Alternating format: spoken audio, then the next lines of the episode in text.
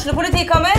Ine Jansen er purk. Er du purk? The motherfucking bitch. Alt jeg vil, er å finne ut hva som skjedde med mannen min. Jon Carew. Er jeg sikta for noe? Iben Akeli. Det er du.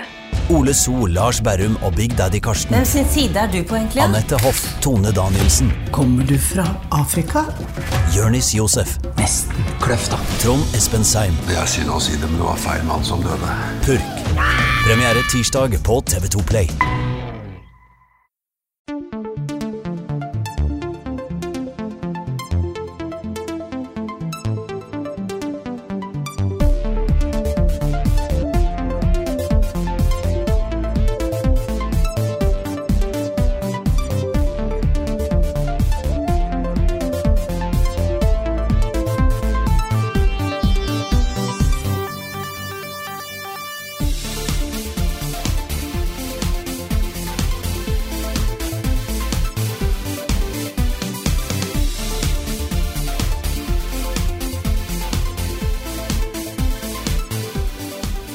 Velkommen skal dere være alle sammen til en splitter ny episode av Level Backup, eller som vi sier på østkanten, Smack my backup.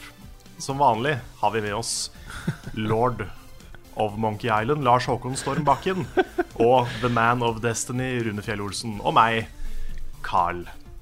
Velkommen! Hei! Jo, takk. Hei. Fin introduksjon. Ja. Jo, takk, takk.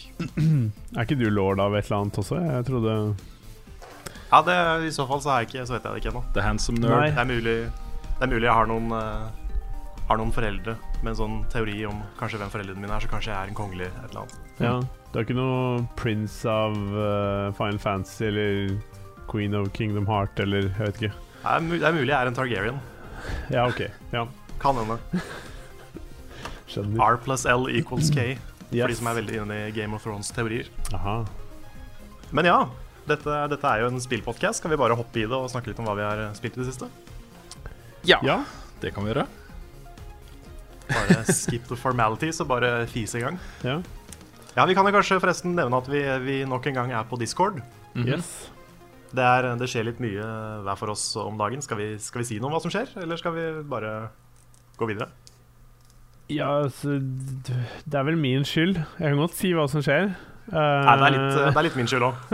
Ja, OK, sånn, ja. Ja, ja jeg har vært um, Vært i uh, møter og ting og tang uh, med, med Nav, og litt sånn jobbintervju og sånn, så det er sånn mye som skjer her, og så skjer det noe hos deg. Ja, det er jo, vi spiller jo inn podkasten en dag tidligere eh, denne uka her, og det er fordi i morgen så skal jeg på disputas for mamma. For mamma skal ta doktorgrad. Så det er visst en litt sånn stor uh, formell prosess, så da, da må hele familien komme til Tønsberg og være med. Veldig stas. Det er stas, så det, det måtte jeg være med på. Så derfor så spiller vi inn podkasten i dag isteden. Det er stas med disputas. Det er Stas med disputas.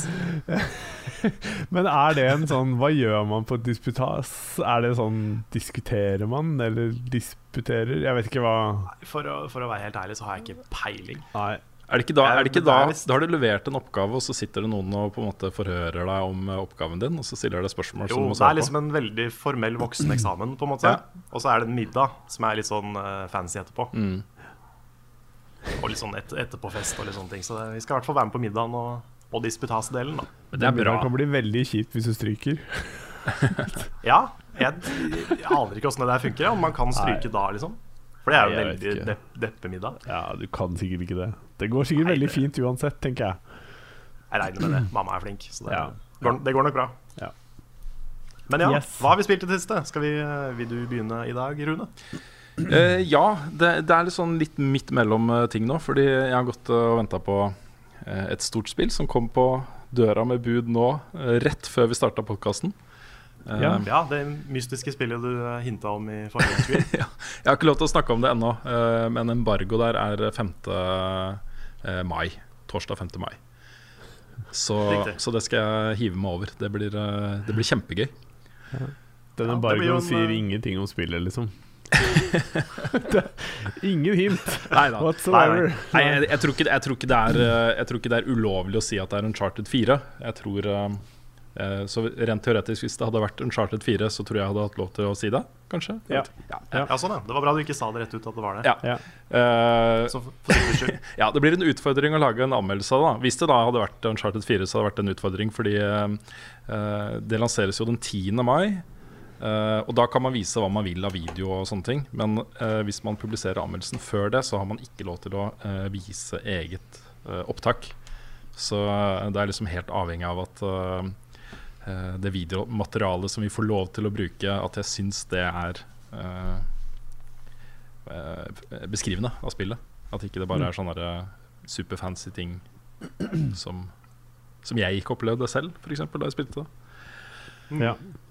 Men er det sånn at hvis det, hvis det spillet som uh, kanskje muligens kunne vært en Charted 4 i en, i en verden vi ikke helt vet om finnes ennå, så hvis det er bra nok, så er jo det en veldig spennende ting å ha med i neste måneds magasin, som vi begynner å jobbe med neste uke. Ja, for den eh, planen da er å lansere uh, det månedsmagasinet samtidig med Eller i hvert fall sånn cirka samtidig med embargoen på uh, da eventuelt Uncharted 4. Så Nei, jeg tror det er lov å si at det er Uncharted 4. Jeg, tror det, du, det som, jeg, har ikke, jeg har ikke signert på noen ting, men jeg tror det, hvis jeg ikke husker helt feil, det det står, er at du har ikke lov til å komme med sånn førsteinntrykk og foreløpige anmeldelser og hinte om terningkast og sånne ting før Ja. den femte. Jeg tror det er det som er embargoen. Eh, Hva tror du du kommer Ja. til å gi deg av terningkast? Sånn, Nei, nå har jeg, jeg, har ikke, jeg har ikke begynt å spille det, for det kom jo da som sagt rett før podkasten. Men uh, Ja. ja. Eh, bortsett fra det så har jeg begynt å kikke litt på et spill som heter Alien Nation, som ser satans bra ut. Eh, jeg må prøve å rekke å få lagd en anmeldelse av det også. Jeg ser det er noen som etterspør, etterspør det. Ja da, den, eh, det, ja, det skal jeg få til. Og så har jeg spilt litt mer Dirt Rally. Så eh, det er de tre tingene som jeg skal prøve å få unna før månedsmagasinet. ja. Så har vi også da vært og innreda kontoret. Det er jo spennende. Det Vi er har begynt på det, i hvert fall. Vi har satt opp sofaen og TV-benken og pakka ut TV-en og PC-en og skjermen og sånt. Så nå er det liksom hakket før vi kan bare skru på ting og sette på strømmen og nettverkskontakten og sånne ting og begynne å jobbe der. Yes. Jeg syns vi kom ganske langt i går. Det var jo eh, det var, Fikk sofaen opp og fikk eh, Det det begynner liksom å se ut som et kontor så fort vi får ut all pappen og all dritten som, som ligger der nå. Mm, det gjør det. Så, så det har jeg brukt mye tid på siste uka. Jeg var jo på Ikea på, på lørdag og kjøpte møbler. Eh, og så eh, kommer jo de eh, levert fra Ikea på mandag. På tirsdag var det vel, eller var det onsdag? Det var tirsdag, så Eller tirsdag Ja, tirsdag var det. Nei, det var mandag, det også. Uh, så uh, Nei, vet du jeg blander. Det var forrige lørdag jeg var på Ikea. vet du hva, tida er så rar akkurat den dagen. Det skjer Ja, det er det, det er så utrolig mye rart. Eh, men vi fikk henta alt, alt det gamle utstyret vårt uh, som sto lagra uh, på Pickup Point eh, hos Komplett. Så, eh, så det også er da på plass. Sweet. Deilig. Veldig. Tok du sånn derre Jeg holdt på å si Tok du sånn derre timelapse-film av at dere satte opp kontoret, eller? Nei, vi gjorde ikke det. Gøy. Ja, det hadde vært Ja, morsomt. skulle vi. Ja. Ja. Vi filma litt da tilbake om eh, filmmaterialet. Ja, det gjorde vi. Jeg har faktisk jeg har et klipp av en veldig sinna Rune som monterer sofa. Så det, Gøy. dere, som, dere som støtter oss på Patrion, har noe å se fram til akkurat der. Altså. Ja.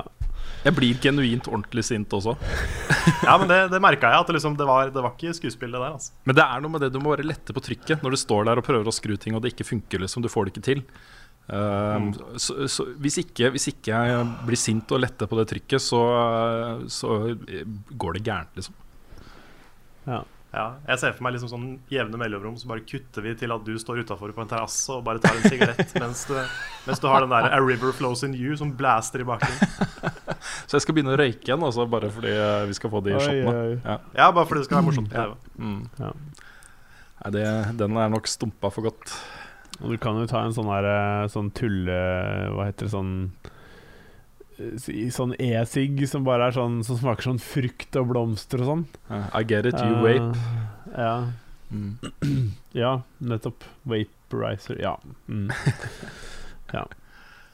Yes. Jeg føler Hvis du er gamer, så må du røyke e-sigaretter. ja. Det er jo litt sånn, ja. føler det er en liten connection der. ja. Men ja, Lars, har du spilt noe, noe artig?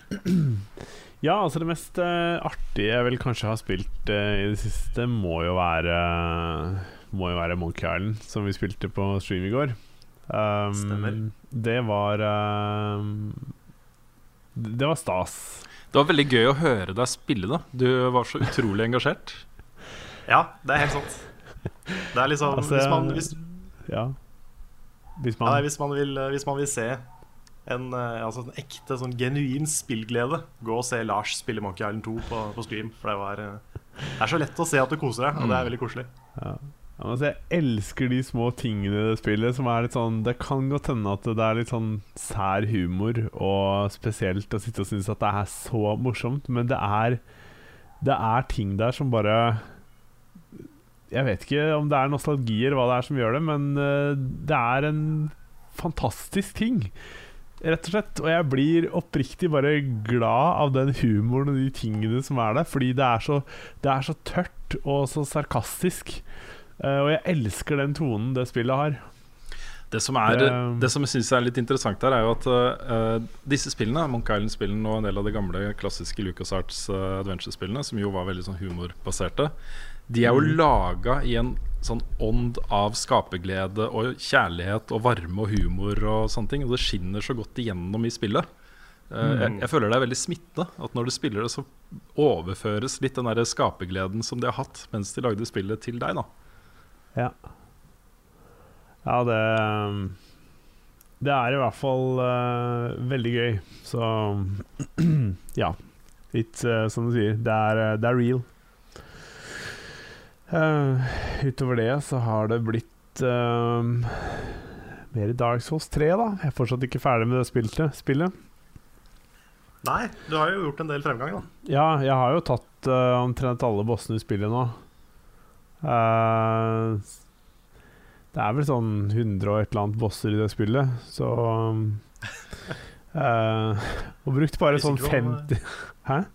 Jeg er usikker på om det er tresifra. Altså det er vel kanskje Ja, nærmere, nærmere 20, men eh, Ok, ja, da Det kan godt hende at um, Ja, da har jeg sikkert bare tenkt feil, men um, Sånn rundt 50 timer har jeg spilt det spillet nå, og jeg har Ja. tatt uh, fire mainbosser. Altså, det er sånn Det er helt sjukt lang tid, altså. ja, du har tatt lang tid. Du, du må huske at de, de fem folka som står rundt bålet, de er ikke hver sin boss. Nei, Det føles sånn! Det føles sånn. Det er uh, Men ja, vi skal ikke gå, trenger ikke gå tilbake til det. Men det, det, er, det er fantastisk engasjerende, altså. Det er helt utrolig at jeg klarer å bli engasjert i et sånt spill som uh, man kan sitte og være så frustrert over samtidig. Mm. Men jeg husker veldig godt, fordi du har litt den samme opplevelsen nå som jeg hadde med Dark Souls 2. Mm. Fordi det var mitt første Dark Souls-spill. Og da bruker du lang tid i starten. Mm. Mens nå, hvis, eh, si hvis Dark Souls 4 kommer, da, og du har runda Dark Souls 3, Mm. så kommer du til å spille gjennom hele det på 15 timer, sikkert. Ja. ja Fordi det er, eh, hvis du først har blitt god i ett av de, så kan du overføre en del skill til de andre. da mm. Så eh, det er jo det er mye derfor også du bruker mye tid nå. Mm. Apro apropos, som Ja, nei, snakk du. apropos Dark Souls, så, så kom det jo litt nyheter i dag om at From Software har begynt å jobbe med en helt ny serie. Et helt nytt spillkonsept. Som er noe, de ikke, altså, noe som ikke er knytta til noe de har lagd før. Da. Mm. Um, og Det det, er spennende. ja, det ble også bekrefta at det vil komme to DLC-pakker til eh, Dark Souls eh, 3. Det stemmer. En liten Kult. teaser på nyhetsspalten. Vi tar den ikke med der, Ja. men uh, nevnte det nå. ja. Nei, altså Det føles ut som om skaperne av det spillet der sitter liksom klar med hånda bak skjermen, og så er det sånn derre Hvis du prøver deg litt for hardt, så får du liksom en sånn slap i trynet som bare gjør at Å ja, OK, det kan jeg ikke gjøre, nei. Uh, altså, og det, det, det, det føles oppriktig på den måten der, at han liksom er der for å tease deg og irritere deg, liksom. Han, de Mm. må jo ha det fantastisk gøy med å lage så Så vanskelig vanskelig spill. Ja, men det er, veldig mye, det er veldig mye av den vanskelighetsgraden som er psykologisk også. Fordi Ja. bossene dukker opp, og de er så svære og så skumle, og de, de angriper så fort, da. Ja.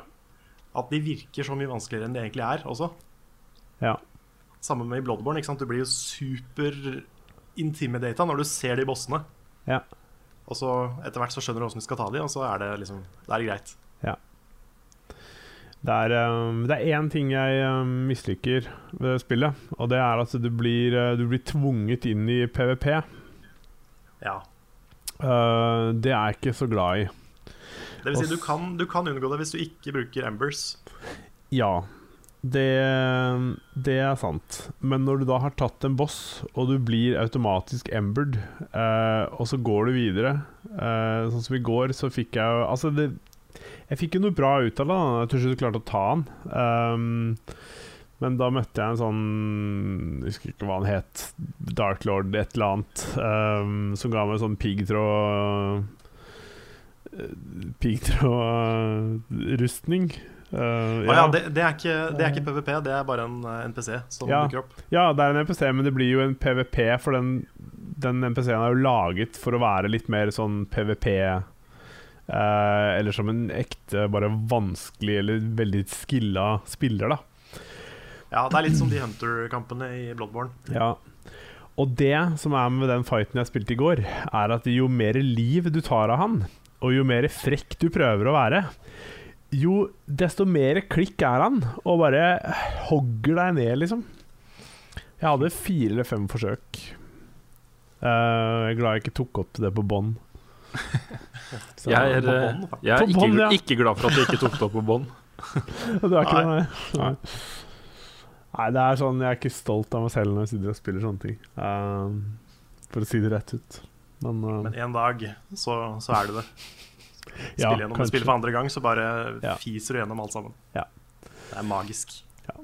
Men alt i alt så er det gøy, altså. Jeg koser meg faktisk. Uh, og det er jo gøy å få den utfordringa. Så um, dette her har jeg så sjukt lyst til å se Rune spille. Mest ja, ja. fordi jeg har lyst til å se Rune bli skikkelig sint på de greiene her. Og at forhåpentligvis at du får den greia hvor du har virkelig lyst til å bare Fy fader, jeg skal ta han, liksom. Mm. Um, for det blir sånn, altså. Mm. Ja, det er det jeg også tenker. At jeg, jeg, har lyst til å se Rune slite litt, og samtidig så er jeg overbevist om at han kommer til å digge det mm. hvis han spiller det lenge nok. Mm. Ja, det er jeg også. Agreed. Ja. Mm. Yes. Carl. Ja. Det er, eh, er det femte-sjette uka på rad vi har snakka om Dark Souls? Ja, kanskje. Sikkert. Det er nok det. Ja ja, det, det får gå. Hva har du, hva har du ja, spilt? Nei, jeg har, eh, jeg har spilt uh, først og fremst kanskje LA Noir. Mm. Jeg lagde et uh, klassikerinnslag på det spillet som jeg la ut i går kveld. Den ble så bra, altså. Ja, gud bedre. Ja, kjempegøy. Det var uh, Jeg merker at liksom å få en litt sånn teit, rar idé, og så bare ta den fullt ut, mm. og dra den veldig langt, det er sånt, ja, bare, det er sånt jeg bare lever for. Ja. Elsker å gjøre sånne ting, så det er, det er gøy å liksom ta seg tid og energi til å gjøre det. Mm. Ja. Så vi satt jo eh, Det kommer også på bakomfilmen, for så vidt, men eh, jeg satte jo opp to svære stativer og, eh, og teipa opp gaffateip i strimler for å få sånn der uh, delt opp noir lyssetting. Ja, Var det det du gjorde? For jeg satt og tenkte hvordan han har fått til den persiennelyseffekten her, liksom. Så tenkte jeg sånn der, mm. Nå har du virkelig jeg, jeg, trodde det var etterarbeid som vi gjorde det. Men jeg, oh, ja, nei, det, ja, det, var, det var praktiske effekter. Ja, ok, Det er sykt kult, da. Ja, det var, litt, det var gøy å gjøre det. Jeg synes det, er liksom, det er morsomt å eksperimentere med sånne ting, selv om det var Det var ikke proff lyssetting i det hele tatt. Det var liksom en, en billig Claes Olsson-lampe som sto Eh, med noe gaffateip. Uh, ja, men det funker jo som fy. Altså, det blir jo altså Jeg tenker så lenge du Så lenge den yter sin Jeg klarer ikke å si ordet på norsk, men purpose. Hva heter det? Uh, sin Ja. Ja, nettopp. Uh, så lenge det gjør sin, gjør sin virkning. Ja, så, så, ha, så, er det jo proft. Altså, jeg syns jo i forhold til den, den type um, hva skal jeg si, nivået på, på, på, film og sånn, så er jo ja, dritbra. Amatørfilm, liksom. Jeg, jeg var amazed. Ja, det er, det er koselig å høre. Ja. Men det var Det er liksom Det er jo ikke, det er jo ikke proff lyssetting, og det er jo ikke liksom Det er ikke noe av det som egentlig er proft, men det er utrolig gøy å eksperimentere med det. Ja. Sånn som bare liksom Oi, noir, det må jeg prøve å lage. Bare så for gøy. Mm. Og da Jeg syns det er kjempegøy, altså. Og bare, bare gjøre det. Ja. Så det er, det er litt, litt, deilig det at ikke vi har eh, At ikke jeg hadde en veldig streng deadline på det innslaget, for da kunne jeg liksom ta meg tid til å researche litt noir og få Svendsen til å ta på seg en kjole og Ja. diverse. Så det var veldig gøy. ja. Gud bedre. Ja, jeg vet ikke om det er lov å spoile, men jeg elsket slutten. Altså, det var Da, da lo jeg høyt. Og den også gikk jo gjennom en del eh, forskjellige iterasjoner, egentlig. Ja. For det skulle jo egentlig være en eh, Det skulle egentlig være mye mer barnslig. At jeg storma inn og skulle ha Mickey Mouse-spillet mitt tilbake, og så er Rune like barnslig tilbake. Og så bare Nei, jeg har det ikke, jeg er ikke ferdig med å spille det, du får ikke lov å få tilbake. Og så At, at vi er like barnslige begge to, da. Men jeg tenkte ja. det, det blir morsommere hvis Rune bare er den realistiske, litt sånn kjipe. Ja, ja. Så bare shut me down, slutt å være dust, ikke gidd å leke detektiv, liksom. ja ikke sant. Jeg tror det ble morsommere inn igjen. altså. Ja, altså jeg synes det var helt herlig om måten du hadde gjort på At du så liksom alt var sånn klønete Og at i Noir så var du liksom åh, jeg, jeg vet ikke om det minner meg om et eller annet jeg har sett før Og, få, og så får du den følelsen at liksom Du går litt tilbake til barndommen hvor du lekte ting Og hvor du følte deg amazing og kul, ikke sant? Og du fikk, du fikk frem de følelsene der som ble bare sånn herre Dæven, dette er garantert mange som vil kjenne seg igjen i at de har eh, på en eller annen måte forestilt seg noe som i virkeligheten har sett akkurat sånn som du så ut, da. Jeg har et, jeg har et Um, ja. bilde av meg og søstera mi som lekte Jeg var detektiv, og søstera mi var assistenten min. Mm. Eh, Jeg var kanskje sju-åtte år gammel eller noe sånt. Jeg husker liksom så godt hvordan vi følte oss da vi, da vi lekte det. Jeg, jeg var skikkelig detektiv med trenchcoat og hele pakka, liksom. Ja. Men på bildet så er det jo bare Vi har et belte rundt en jakke og en litt sånn teit hatt og Ja, ja. Så det var det liksom funker. Ja da, det gjør det. Ja, altså det, det er noe med det. Altså, jeg, jeg, jeg kjenner at jeg skulle ønske jeg var eh, Skulle ønske jeg var cosplayer, for det er jo faktisk gøy å kle seg ut og liksom gjøre sånne ting. da Mm. Jeg syns faktisk det er gøy. Jeg syns du burde gå med den jakka til vanlig karl. Den Ja. kledde deg helt sjukt godt. Vet helt ærlig skulle jeg ønske det var mer sosialt akseptert å gå i sånne jakker, for de er så kule. Gjør det. Jeg tør ikke. Jeg, det er problemet. Det er det er derfor jeg aldri var eh, åpent goth-kid heller. Jeg turte ikke. Nei. Jeg tør ikke å skille meg ut så veldig sånn fysisk. Nei. Så det er, eh, det er, det er jeg som er teit. Men eh, jo, jeg kan jo gå videre. Uh, ellers så har jeg spilt uh, siste episode av Walking Dead Mission. Tenkte jeg skulle prøve å få en uh, anmeldelse klar av det over helga. Ja. Skjer en del i helga, så jeg rekker ikke gjøre så mye da, men i hvert fall så fort jeg kan. Kan du si noe om Og- det har løfta forventningene, eller om, om Har det skjedd noe fra sist? Eller fra første anmeldelse?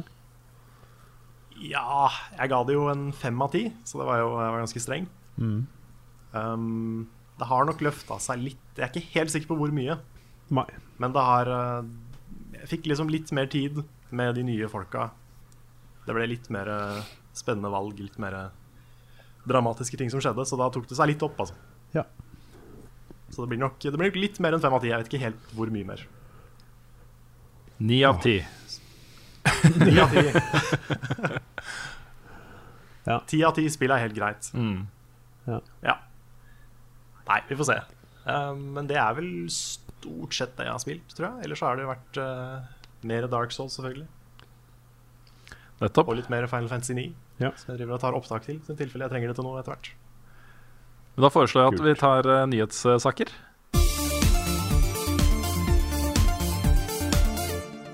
Jeg tenkte å starte med en sak som kanskje ikke er ukas største og viktigste sak. Men uh, i og med at eh, du sliter litt med Nav og sånne ting om, om dagen, uh, Lars, så tenkte jeg å starte med en, en nyhet som, som jeg vet gjør deg glad.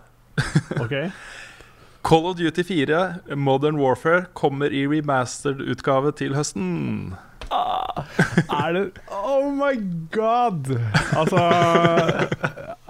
Var det første gang du hørte om det? Hvorfor har jeg ikke fått med meg det? Har du ikke fått med deg det?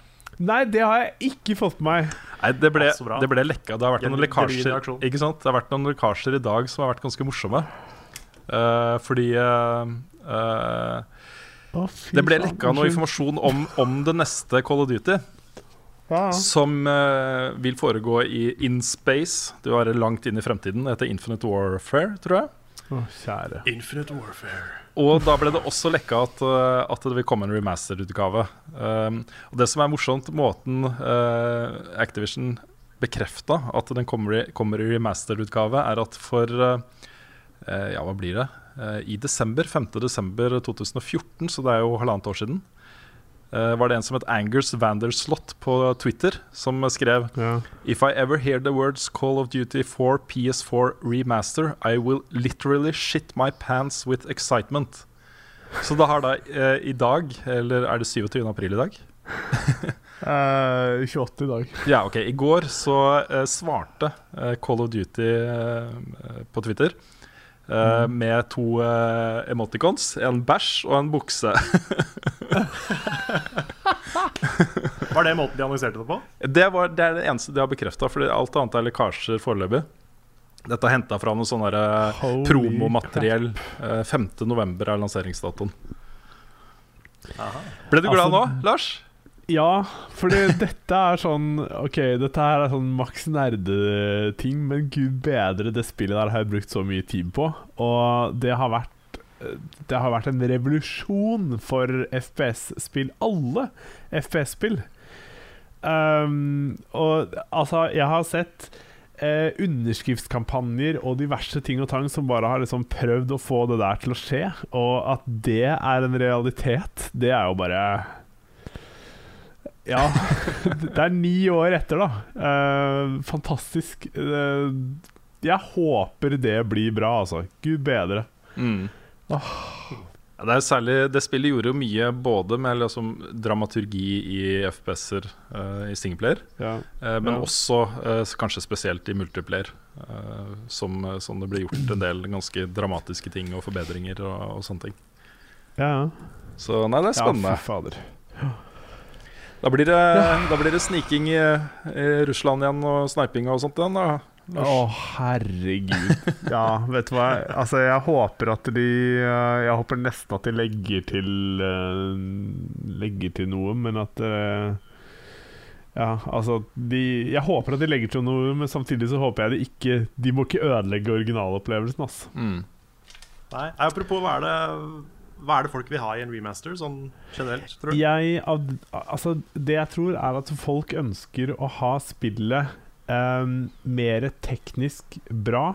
eh, og kanskje litt mer balansert enn det originalen var. Det var jo diverse perks, og nades var veldig kraftig. Og det, var ting som var Det var spesielt Noen våpen var ekstremt bra, mens andre ting var ikke bra. Så mm, jeg håper at det, det, det er to ting jeg håper, og det er at, det, at de klarer å balansere det til å bli bra. Kanskje eventuelt fjerne noen perks eller tvike de, eh, og at de klarer å beholde den følelsen originalspillet har. Hvis de går vekk fra den følelsen eller den, det der, så er jeg redd det blir en flopp, men uh, ja. Det er spennende. Det er jo litt gøy at, at uh, høstens Call of Duty-lansering lansering blir såpass todelt. For det første liksom, sånn veldig velkjent, det mest elska spillet i serien, kanskje. Eh, og på den andre siden et spill som eh, det, det er på en måte en utvikling som har pågått over noen år nå, hvor de har dratt på en måte konseptet lenger og lenger bort fra uh, opphavet og prøvd nye ting. Uh, At de tar den veldig langt inn i fremtiden, og at du skal ut i verdensrommet. Og jeg vet ikke om det blir Space Combat og sånne ting. Uh, det vil jeg anta det blir. Uh, Ja. Det er litt interessant, syns jeg. Det er det. Jeg syns, for min del, da Jeg er ikke så veldig, veldig Verken FPS eller Call of Duty-serien egentlig. Men Nei. eh, jeg merker at jo mer sci-fi og rart det blir, jo mer interessert blir jeg, da. Mm. Jeg syns det, synes det er en kul utvikling. Ja, på mange måter så har det jo vært det. Jeg syns øhm, Jeg, jeg syns de har gjort mye Mye bra også. Uh, og spesielt det siste spillet har klart å få tilbake eh, den gode, gamle COD-følelsen lite grann. Samtidig som det er ting der som er litt sånn Som er litt spesielt, da, og som ikke føles helt hjemme. Men um, Nei, åh, jeg, jeg er spent på å se hvor hvor mye salgstall det spillet vil få i forhold til det nye COD-spillet som eventuelt kommer. Fordi uh, gud bedre, jeg kommer jo ikke til å spille det andre, jeg. altså Kanskje tester det, og så er det sånn, ja. Jeg merker at jeg liker veldig godt den der uh, tittelen 'Infinite Warfare'. ja. Mm. For det blir liksom større og større. Ja, ikke sant? ja. Ok, jeg, Jeg gleder meg til liksom hva, de, hva de kaller neste spill. ja, jeg skal komme med en prediction der. Ikke sant? Men jeg skal komme Ja. med prediction her For nå har de dratt den liksom lenger og lenger ut i framtiden og ut i verdensrommet og sånne ting. Mm. Høsten 2017, da er vi tilbake i andre verdenskrig også. Eller første, eller et eller annet. Også. Da er det da back to basics, uh, ordentlig sånn gritty uh, så- Mm. Der det starta, på en måte. Det er jeg ganske sikker på, altså.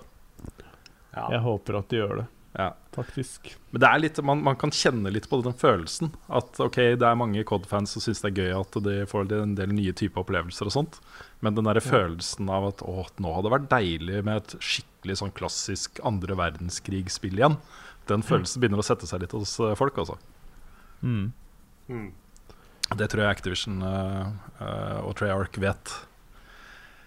Um, jo, en annen ting er at uh, det er ikke helt altså det, Detaljene rundt den remastered-utgaven er jo ikke helt kjent ennå. Um, men uh, det som uh, det i hvert fall ser ut som, er at den vil være en nedlastbar del av en legacy edition av Infinite Warfare. Det kan jo tenkes at de legger inn det som en sånn bonus bare for de som kjøper en ekstra dyr utgave av Infinite Warfare. Ja, riktig. At det er en tilleggsgreie, ja. Ja. ja. Men uansett, det er, hvis den er bra og godt gjennomført, så er det verdt ass. Kult, kult. Vi går videre vi, til uh, det som kanskje er den største nyheten fra uka som har gått. Sånn rent nyhetsmessig er, uh, er jo at Nintendo har offentliggjort at NX lanseres i mars 2017. Ja. Yes. Og det, Sammen med Zelda, Zelda Wii U og nå Zelda NX. nettopp. Eh, Vi har jo spekulert i det, alle har gjort det. At eh, det sannsynligvis ville bli en, en sånn dual launch-tittel. Eh, Og det blir det. Ja, Det blir samme, samme greia som Twilight Princess var i sin tid. Mm. Eh, samtidig så eh, fortalte jo Nintendo at eh, de ikke kommer til å vise fram NX på årets eh, E3. Eh, og så har de også sagt, og her tror jeg at det blir litt At det er litt sånn lost in translation-ting. Fordi jeg ser liksom rundt omkring alle rapporterer at Zelda er det eneste spillet de skal snakke om og vise fram på årets E3. Um, jeg Ja, Det høres jo veldig rart ut. ikke sant? Jeg, jeg tolker det som det eneste NX-spillet um, som de skal vise fram og snakke om på årets etere. Det er i hvert fall sånn jeg tolker det. Jeg tror jo de kommer til å vise fram de nye Pokémon-spillene og Pokémon Go og, og sanne ting, liksom. Jeg, jeg kan ikke se for meg at For Pokémon Go kommer jo Nei, ikke Pokémon Go, men Pokémon Sun og Moon kommer jo i år. Ja, det kommer i desember, tror jeg. November-desember. Ja Så de, de burde jo i hvert fall vise fram de. De har ikke vist noe fra de ennå. Mm. Det kan jo hende da at Nintendo har valgt å ta en sånn herre Vet du hva, vi, det, vi gjør ikke så mye på E3 i år. Det kan jo hende, men uh, jeg vet ikke. Nei, man vet aldri med Nintendo. Nei, Det er sant. Nei, det Det har også kommet en annen eh, tar den også kjapt, en nyhet som eh, viser litt uh, tingenes tilstand i Nintendo om dagen. Uh, og Det er jo det at uh, PlayStation Network omsetter nå mer for mer enn hele Nintendo. Altså alt Nintendo gjør. Eh, bare Ja. PlayStation Network omsetter for mer enn det Nintendo gjør. Så det er også litt sånn tallenes tale, kanskje. Ja, det er jo eh, litt skummelt for Nintendo. mm. Ja, men sånn eh, Dette er jo på en måte ikke eh, Det overrasker jo ingen. Uh, Wii U gjør det jo ikke spesielt bra. Uh, og Nei, selv om så har det vært to uh, Både 2014 og 2015 er jo veldig døde år for Wii U. mm, Det har jo nesten ikke kommet noen ting som har vært ordentlig bra. Nei. Det har vært noe Zelda remasters og det har vært litt sånne ting, men det, det har ikke vært så mange storspill. da mm, Mm. Så det virker som de har uh, hoppa litt av Wii U allerede. mm. Uh, tar også et kjapt uh, rykte som uh, Som jeg vet ikke om det er noe vits å snakke om eller ikke, men ryktet går jo på at Microsoft vil vise fram en ny Xbox One på årets etere. Eh, og en ny håndkontroller. Dette er da basert på noe japansk tekst, promotekst, et eller annet. Jeg husker ikke helt. Ja.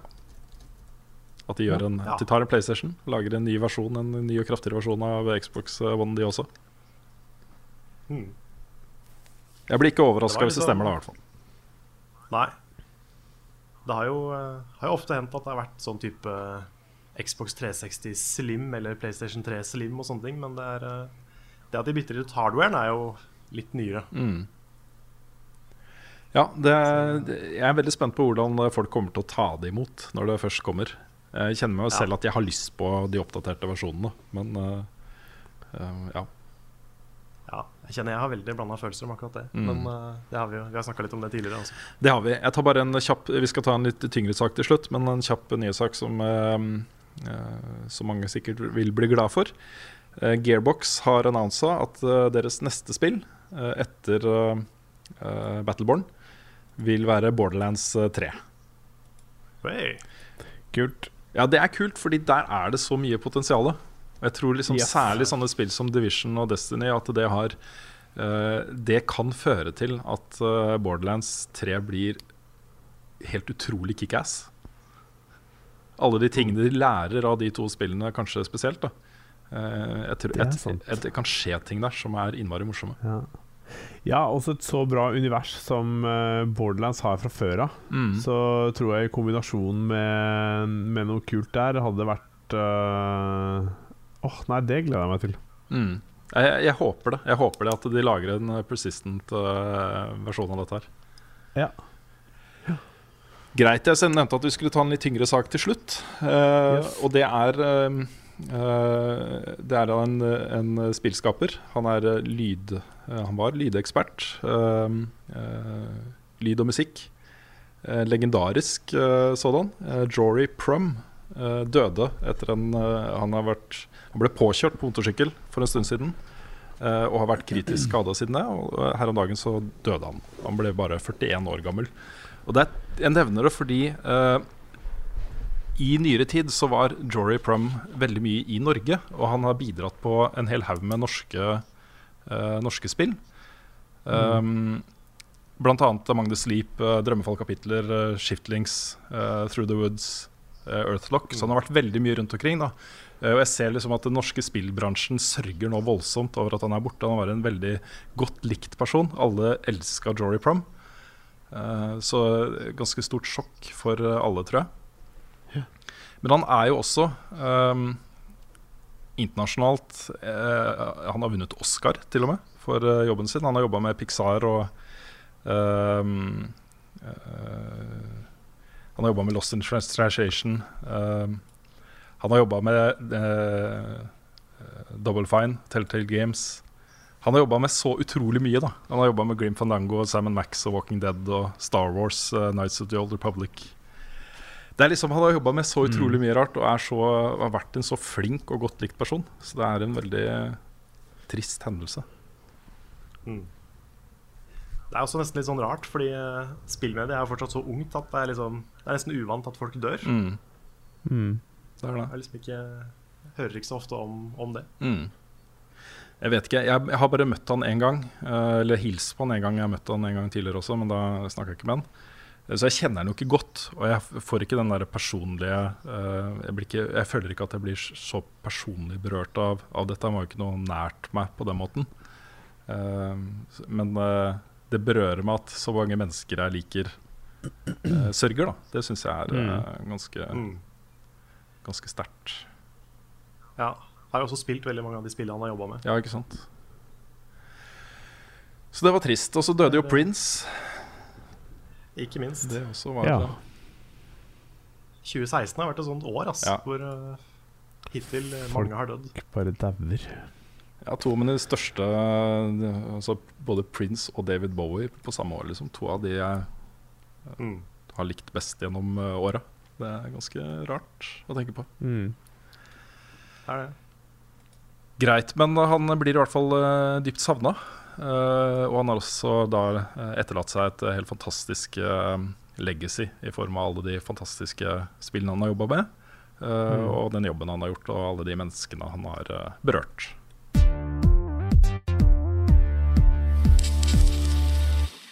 En eh, trist avslutning på nyhetsspalten, altså, men vi må jo likevel videre i programmet. Og vi kan eh, begynne med spørsmål og svar. Eh, Det første er fra Mathias Kolsrud Aase. Han spør om vi har funnet frem noen spill vi husker å ha mange gode minner fra, men når du har prøvd dem igjen, har du merka at de ikke har vært At ikke de har holdt seg så godt. Bra spørsmål. Veldig. Uh, skal jeg begynne? Ja. Ja. ja. Maraton 2. oh, jeg husker jeg, jeg var så utrolig glad i det spillet. Og jeg spilte det i hjel. Jeg spilte Maraton 1 først, og så Maraton 2 rett etterpå. Uh, dette er jo uh, på en måte forsmaken til Bungie på Halo-serien. Eh, kom bare på Mac i starten, på midten av 90-tallet. Eh, og Maraton 2 eh, var en utrolig sterk opplevelse for meg. Uh, når jeg prøvde å spille det igjen, for det kom jo i, på Xbox eh, 360, eh, Live Arcade um, det, det var ikke like gøy, altså. Det hadde ikke holdt seg så bra. Nei. Nei. Jeg tror for meg så er det Sonic Adventure 1 og 2. Det er spill som jeg egentlig også fortsatt er veldig, veldig glad i. Som jeg har veldig mange gode minner fra. Koser meg masse med. Men uh, spiller man dem for første gang i dag, så har de ikke holdt seg så bra. Det var jo liksom tidlig i 3D og veldig mye rare animasjoner og kontrollsystem som ikke er helt tight. Så det er mye der som ikke har holdt seg så bra. Ja. Men jeg mener jo fortsatt at det er et veldig sånn, koselig, ålreit, morsomt spill å spille. Da. Til tross for alle problemene. Ja.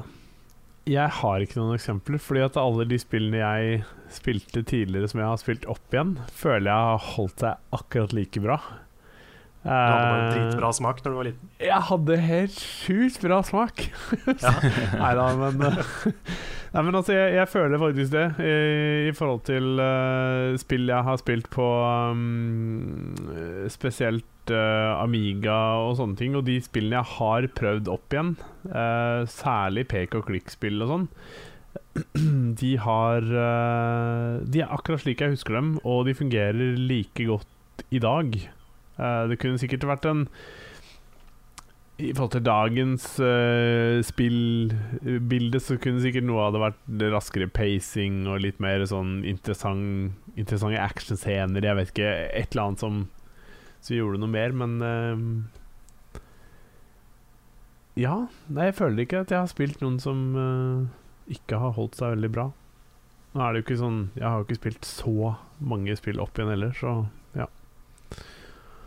Kan du følge opp da med et rel relatert spørsmål fra Eirik Bensen på Patreon Hva er deres favoritt remake eller re-release av et spill, og hvilket spill ville dere likt å se en remake av?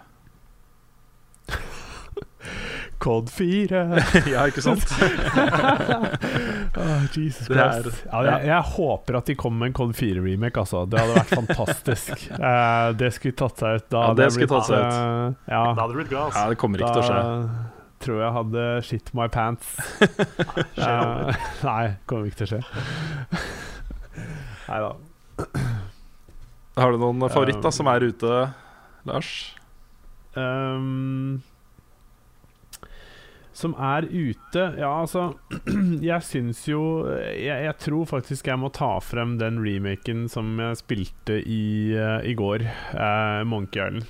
Um, Jeg syns fortsatt originalen er bra. Jeg kan skjønne at spillere som aldri har spilt spillet, spillet før, og hvis de sitter, setter seg ned med originalen, vil kanskje synes at det er rimelig spesielt, og grafikken er litt sånn veldig utdatert på veldig mange måter. Men den remaken de har gjort der, hvor de har lagt til voice acting og fått med um, kommentarspor og hele den pakka der Nå har jeg ikke hørt kommentarsporet, faktisk, men selve remaken er Det er helt fantastisk. Mm. Det, det, det er akkurat det du forventer av at de skal gjøre i en remake av et såpass gammelt spill. Da. Mm.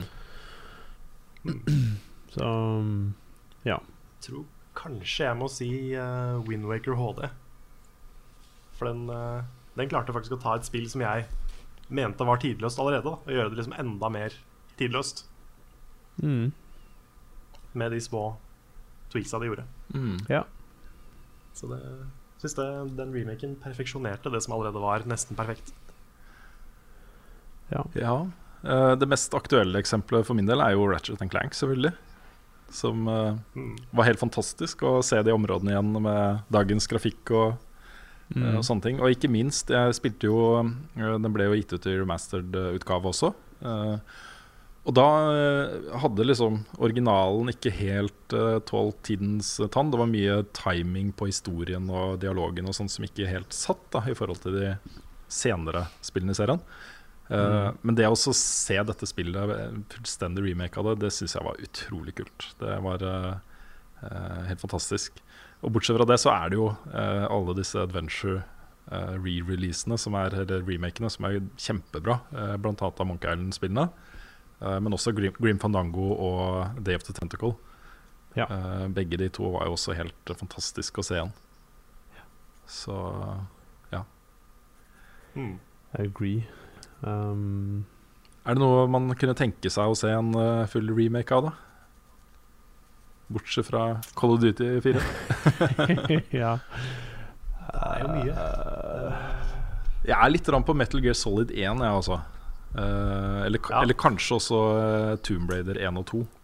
Har de ikke hinta til at de lager Metal Gear Solid 1, kanskje da. remake, da?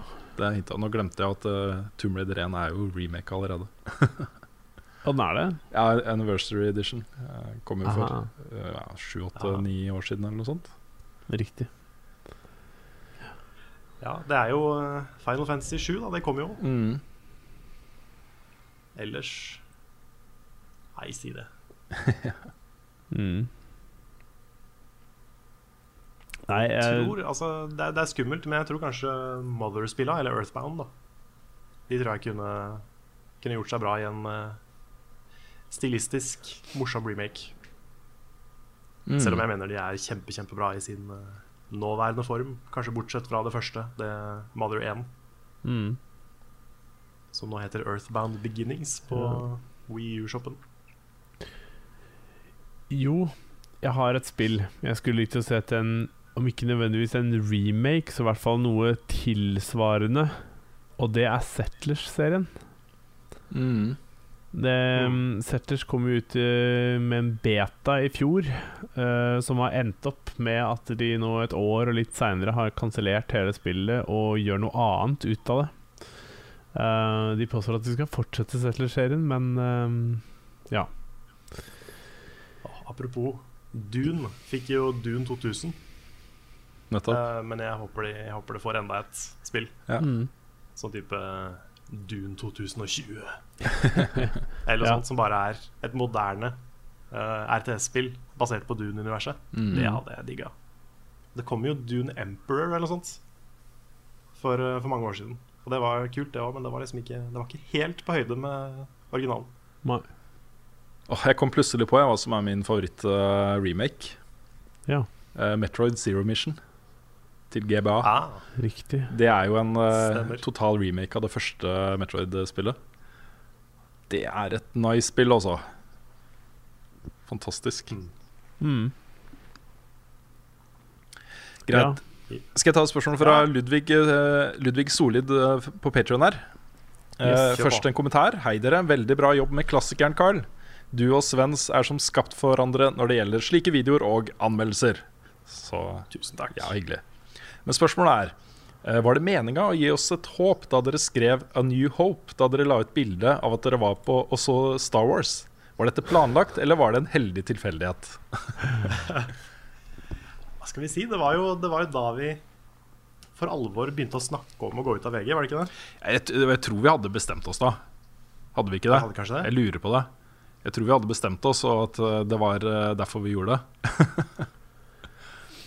Ja, Ja, altså, det var, det var kanskje det. Jeg ja, jeg husker det. i hvert fall veldig at dere snakka om at at vi snakket om at det var liksom uh, At vi skulle gjøre sånne type ting. Med å ta bilder som hadde tvetydige titler uh, av malerier eller filmtitler, eller, ikke sant? Ja, vi hadde jo, Ja, Det var jo planen å legge ut liksom en gang Ja. en i uka eller et eller annet, kanskje Ja. oftere. Bare masse forskjellig sånn. Ja. Så ja, sant. Vi prata om å finne en plakat fra Independence Day med liksom 'Independence'. ja, Og litt sånt. Opp, Ja. mm, Bare legge det på ganske tjukt etter Mm. ja. Mm. Nei da, jeg, jeg, jeg, tror, eh, jeg tror ikke vi ville ha lagt ut uh, akkurat med den teksten hvis ikke vi på, på et eller annet vis uh, regna med at det var den veien det gikk. For vi, vi snak, når vi tok det bildet, og jeg, jeg husker når jeg skrev den teksten og sånt så, så satt vi jo der bare Vi hadde jo ikke planlagt det på forhånd å gjøre det. Eh, men bare sånn Ja, hva om vi bare skriver dette her, liksom? A New Hope, A Force Awakens. så syns vi jo det var veldig gøy, ikke sant? Ja, det var Eh, det. og vi antok jo at folk kom til å eh, tolke det i den retninga også. Mm. Mm. Det var et fint Ja, det- øyeblikk. Jeg husker det godt. Ja. At vi Ja. tok det bildet og Du kom raskt ut på, på Ja, stemmer på den gruppa og sånn. Og det var, ble heftig diskutert. Det var uh, morsomt det var å se. veldig gøy å lese de kommentarene. ja. Er dere klare for eh, neste spørsmål? Superklar. OK. Skal vi se her. Ukens Sinfor.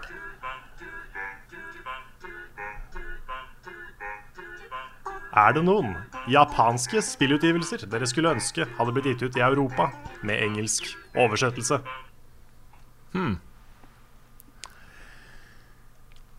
Ja Jeg vet ikke. Altså, det Jeg er så dårlig på japanske spill. Eh, altså på ting som på en måte bare er utgitt på Jeg føler det er sånn Final Fantasy og ting som jeg aldri har spilt før. Um, Ja. Så det er ikke den rette Jeg, til å eh, svare der, altså. Nei, jeg har et veldig kjapt svar. Mm, Mother 3. riktig. Det er alfa og omega for meg. Hvis det Ja. kommer ut, så er jeg fornøyd. Mm. Ellers så er det den punktet med engelsk eh, oversettelse. Ofte så syns jeg japansk originalspråk med undertekster er eh, bedre i eh, japanske spill.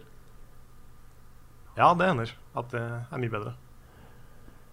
Ja, altså Ja, så lenge det ikke er dialog hele tiden. Jeg har så problemer når jeg prøver å se på anime med japansk uh, Japansk uh, Hva heter det for noe? Uh, Originalspråk. Da blir jeg Da blir jeg sittende Jeg må lese teksten, og så klarer jeg ikke å få med meg hva som skjer på skjermen. Ja. Og hvis jeg ser på skjermen, så mister jeg teksten, og så blir det sånn herre Ja. Så jeg vet ikke. Ja, jeg har ikke det, jeg har ikke det problemet i, eh, når jeg ser på anime, men jeg har det litt når jeg spiller. Ja. For i spill, hvis, i hvert fall hvis det er uh, prating mens jeg gjør noe, da, Mm. da vil jeg gjerne kunne fokusere på, på det som skjer, og ikke på å lese tekst. Mm. Ja. Hm. Yes. Så har vi eh, Gaute Vik som spør om vi har noe spesielt forhold til Paper Mario The Thousand Year Door. Og om vi har, ville vi likt å få en remake. Tja, kanskje ikke remake. Jeg syns det lever godt, uh, godt der det var. Det, det, Ja, det, jeg er litt enig. det var jo et, et av mine favorittspill på den konsollen. Mm. Ja, det er nok kanskje Jeg er ikke helt sikker, men det er mulig det fortsatt er på topp 10-lista mi, faktisk. Så det er Mm. dritbra. Ja, det er kjempebra. Veldig bra humor. Og de Mm. senere spillene i serien har jo også vært bra, på en måte så jeg føler jo at i den grad man har fått en remake av, eh, av det, så har man jo på en måte allerede fått det, på en måte. Kanskje. Ja, jeg syns jo eh, Ja, eller de Paper Mario-spillene som har kommet etter, har jo vært mye mer actionspill Ja, det er sant. enn eh, enn RPG. Ja. Men eh, jeg håper de går tilbake til den, eh, den formelen. Mm. Det håper jeg. Mm. Ellers så, for min del, så blir jeg veldig fornøyd bare de relanserer det på Wii U-shoppen, f.eks. Jeg har ikke noe behov for en remake nødvendigvis. Nei. Vi har fått et Så det er meg. Ja, vi har fått et spørsmål her fra Skulle vi snakke mer om det? Nei da. Jeg var ferdig, i hvert fall. Er vi ferdige nå? Ja, Vi har fått et spørsmål fra um, Filmurfrikur på uh, Patron. Kommer dere til å teste HTC Vive? Kanskje sammenligne Oculus og Vive? Har dere fått inn noen av disse for test? Og det har vi ikke ennå, men uh, jeg har jo bestilt en uh, Vive. Uh, og, skal også kjøpe Oculus uh, etter hvert. Um, vi er også i en sånn situasjon hvor de som vi er på kontor sammen med, de flotte folkene i Hava Media, de begynner jo å rigge nå et VR uh, slags VR-plass. da For det, Det er så, det er så perfekt sted ja, det er helt, helt fantastisk. Og de skal se, kjøpe nytt ratt til bilspill og VR og sånt. Altså det blir ordentlig VR-sted. da Så jeg, jeg tipper at vår mulighet til å teste VR vil være ganske kraftig forbedra i løpet av de nærmeste dagene og ukene. Mm. Mm. Kult. Jeg gleder meg. Jeg begynner, å, jeg, jeg begynner å høre så mye bra fra så mange folk jeg liksom liker å stole på og sånn, om spesielt HTC Vive. da Mm. At det er liksom et, eh, enda et hakk over. På grunn av det at du kan gå rundt og, og sånn. da Mm. Så det Nå begynner jeg å glede meg. Ja. Ja, det blir kjempestas. Uh, og jeg, jeg tipper jo at vi kommer til å ta VR ganske eh, seriøst. Det, uh, det, er et viktig, det er et viktig nytt element i det mediet vi er så glad i. Så det å ikke teste VR-spill ville jo vært veldig rart. Ja, sant Det var noen, Jeg husker ikke hvem det var som sa det, det burde jeg kanskje visst. Men det var noen som kommenterte at en ting de likte å gjøre i VR, det var å liksom starte et spill som var litt sånn førsteperson, du går rundt og utforsker og sånn. Og det de gjorde, var at de bare la seg ned på gulvet. For da har de lagt seg ned på gresset ikke sant? og sett, ser opp på himmelen i en annen verden. Ja. Og det var sånn Shit, det, det vil jeg prøve. Ja, ikke sant? Bare ligge og slappe av liksom, i en VR-verden. Mm. Ja. Det er jo konge. Så da, da ble jeg litt sånn Jeg ble litt glad. Kult. Jeg har ikke tenkt på at det er noe du kan gjøre. ja. Nei. Eh, ja, skal vi se Et, uh, et um, spørsmål fra Daniel Kjellnes på Patreon her. Slik jeg har forstått det, så drar dere vel ikke over til E3-messa i år, men kommer dere til å dekke den med reaksjonsvideoer og lignende? Kult å høre hva dere syns om ting som blir annonsert, og ikke bare sitte, sitte her som en fanboy og bli blendet av de store showene. Stå på videre, karer. Digger det dere gjør. Takk for det, Daniel. Tusen takk. Og svaret på spørsmålet er hell yeah. Ja da, vi skal dekke etere uh, tungt, selv om vi er eh, hjemme. Det skal vi. Vi har, Det blir vel, Vi har snakka om å ha lange livestreams. vi har det. Uh, I hvert fall ha livestreams. Dekke det på en måte i studio. Um, og det, Mens det skjer. Ja, mens det skjer. Og så Jeg, jeg kikka litt på etere-dekninga for to år siden her om dagen. Fordi jeg leita etter Sønnen min ville gjerne se Batman fly. Og da husker jeg at i den videoen så hadde jeg en scene hvor eh, Batman eh, kaster seg utfor en bygning og flyr gjennom, eh, eh, gjennom Gotham. Ja. Eh, når jeg så den, så er det er en fin måte å vise fram eh, det som skjer på etere på. Den måten å liksom bare sette sammen litt fra forskjellige trailere og kanskje med litt kommentarer fra oss innimellom og sånt. At man kan lage litt den samme pakka, da, men hjemmefra. Kanskje. Ja, vi kunne jo kombinert at vi tar en, vi tar en eh, livesending som er litt eh, enkel, og så kan vi sette sammen til en finere video etterpå, f.eks. Ja, et eller annet. Mm. Det er i hvert fall er- gøy med sånne uker hvor det kommer mye nytt. Som det går an å snakke om. Ja. Jeg har lyst til å invitere egentlig hele Level Up-gjengen. Eh, Frida snakka om at hun hadde lyst til å komme en tur rundt etere. Mm. Og bare la dem være med på streamen, og så kan vi sitte og prate sammen alle sammen. Og Mm. Kanskje vi skulle ha Kanskje, kanskje vi skulle alliert oss med et utested i Oslo eller et eller annet, og så hatt uh, mulighet for publikum å komme og sånt også? Hadde det vært litt gøy, eller? Ja, kanskje det. En kinosal, eller? Med livestreams. Det hadde ikke vært dumt. Hadde ikke det. Dette må vi tenke mer på, folkens. Ja, du, tenker, du tenker stort som vanlig, Rune. Ja, det kan bli penger og sånt. Ja. det kan bli penger. Ja. Jeg synes det er morsomt hvis vi skal ha sånne forskjellige leker, holdt jeg på å si, med sånn øh, penneting og tjo og hei, og litt sånn karaktergiving. Buzzword bingo. Um, Ja, Mm. Buzzword bingo må vi ha etter at du nevnte det. For det ja. hørte, hørtes dritgøy ut. Ja. Jeg tenkte jeg skulle gi, um, gi karakterer sånn Sju av Jeg gir denne Denne um, livestreamen sju av ti pushups, for eksempel. Mm. Um, Ja. ja. Få inn litt sunnhet i opplegget. Ja. Ja. um, kanskje ta en pushup hver gang det skjer noe gøy. jeg vet Ja. ikke. Det er nok, eh, jeg tenker det kanskje er lurt at vi ikke snakker over konferansene, men at vi heller uh, popper inn etterpå, f.eks. Jeg tror også det er lurt. At vi har sånne aftershows Ja. og preshows. Mm. Vi kan jo eventuelt ha liksom en, eh, en stream som bare er pressekonferansen, og så med en eller annen eh, bare kamera på oss. At vi kan få sånne visuelle reaksjoner på ting. At ikke vi sier ting, men at uh, hvis folk vil, så kan de se hvordan vi reagerer. Kanskje. Jeg vet ikke. Ja, det går an. Sånn som Hvis det er, fikk hvis det er valgfritt, liksom. Ja. Du fikk den derre priceless uh, ansiktet til Carl under uh, Final Fantasy Ja, i fjor, så ja. Så det, det Ja. er ikke dumt. Ah, Det er sant, det. Vi kan i hvert fall ta det opp og så bruke det seinere.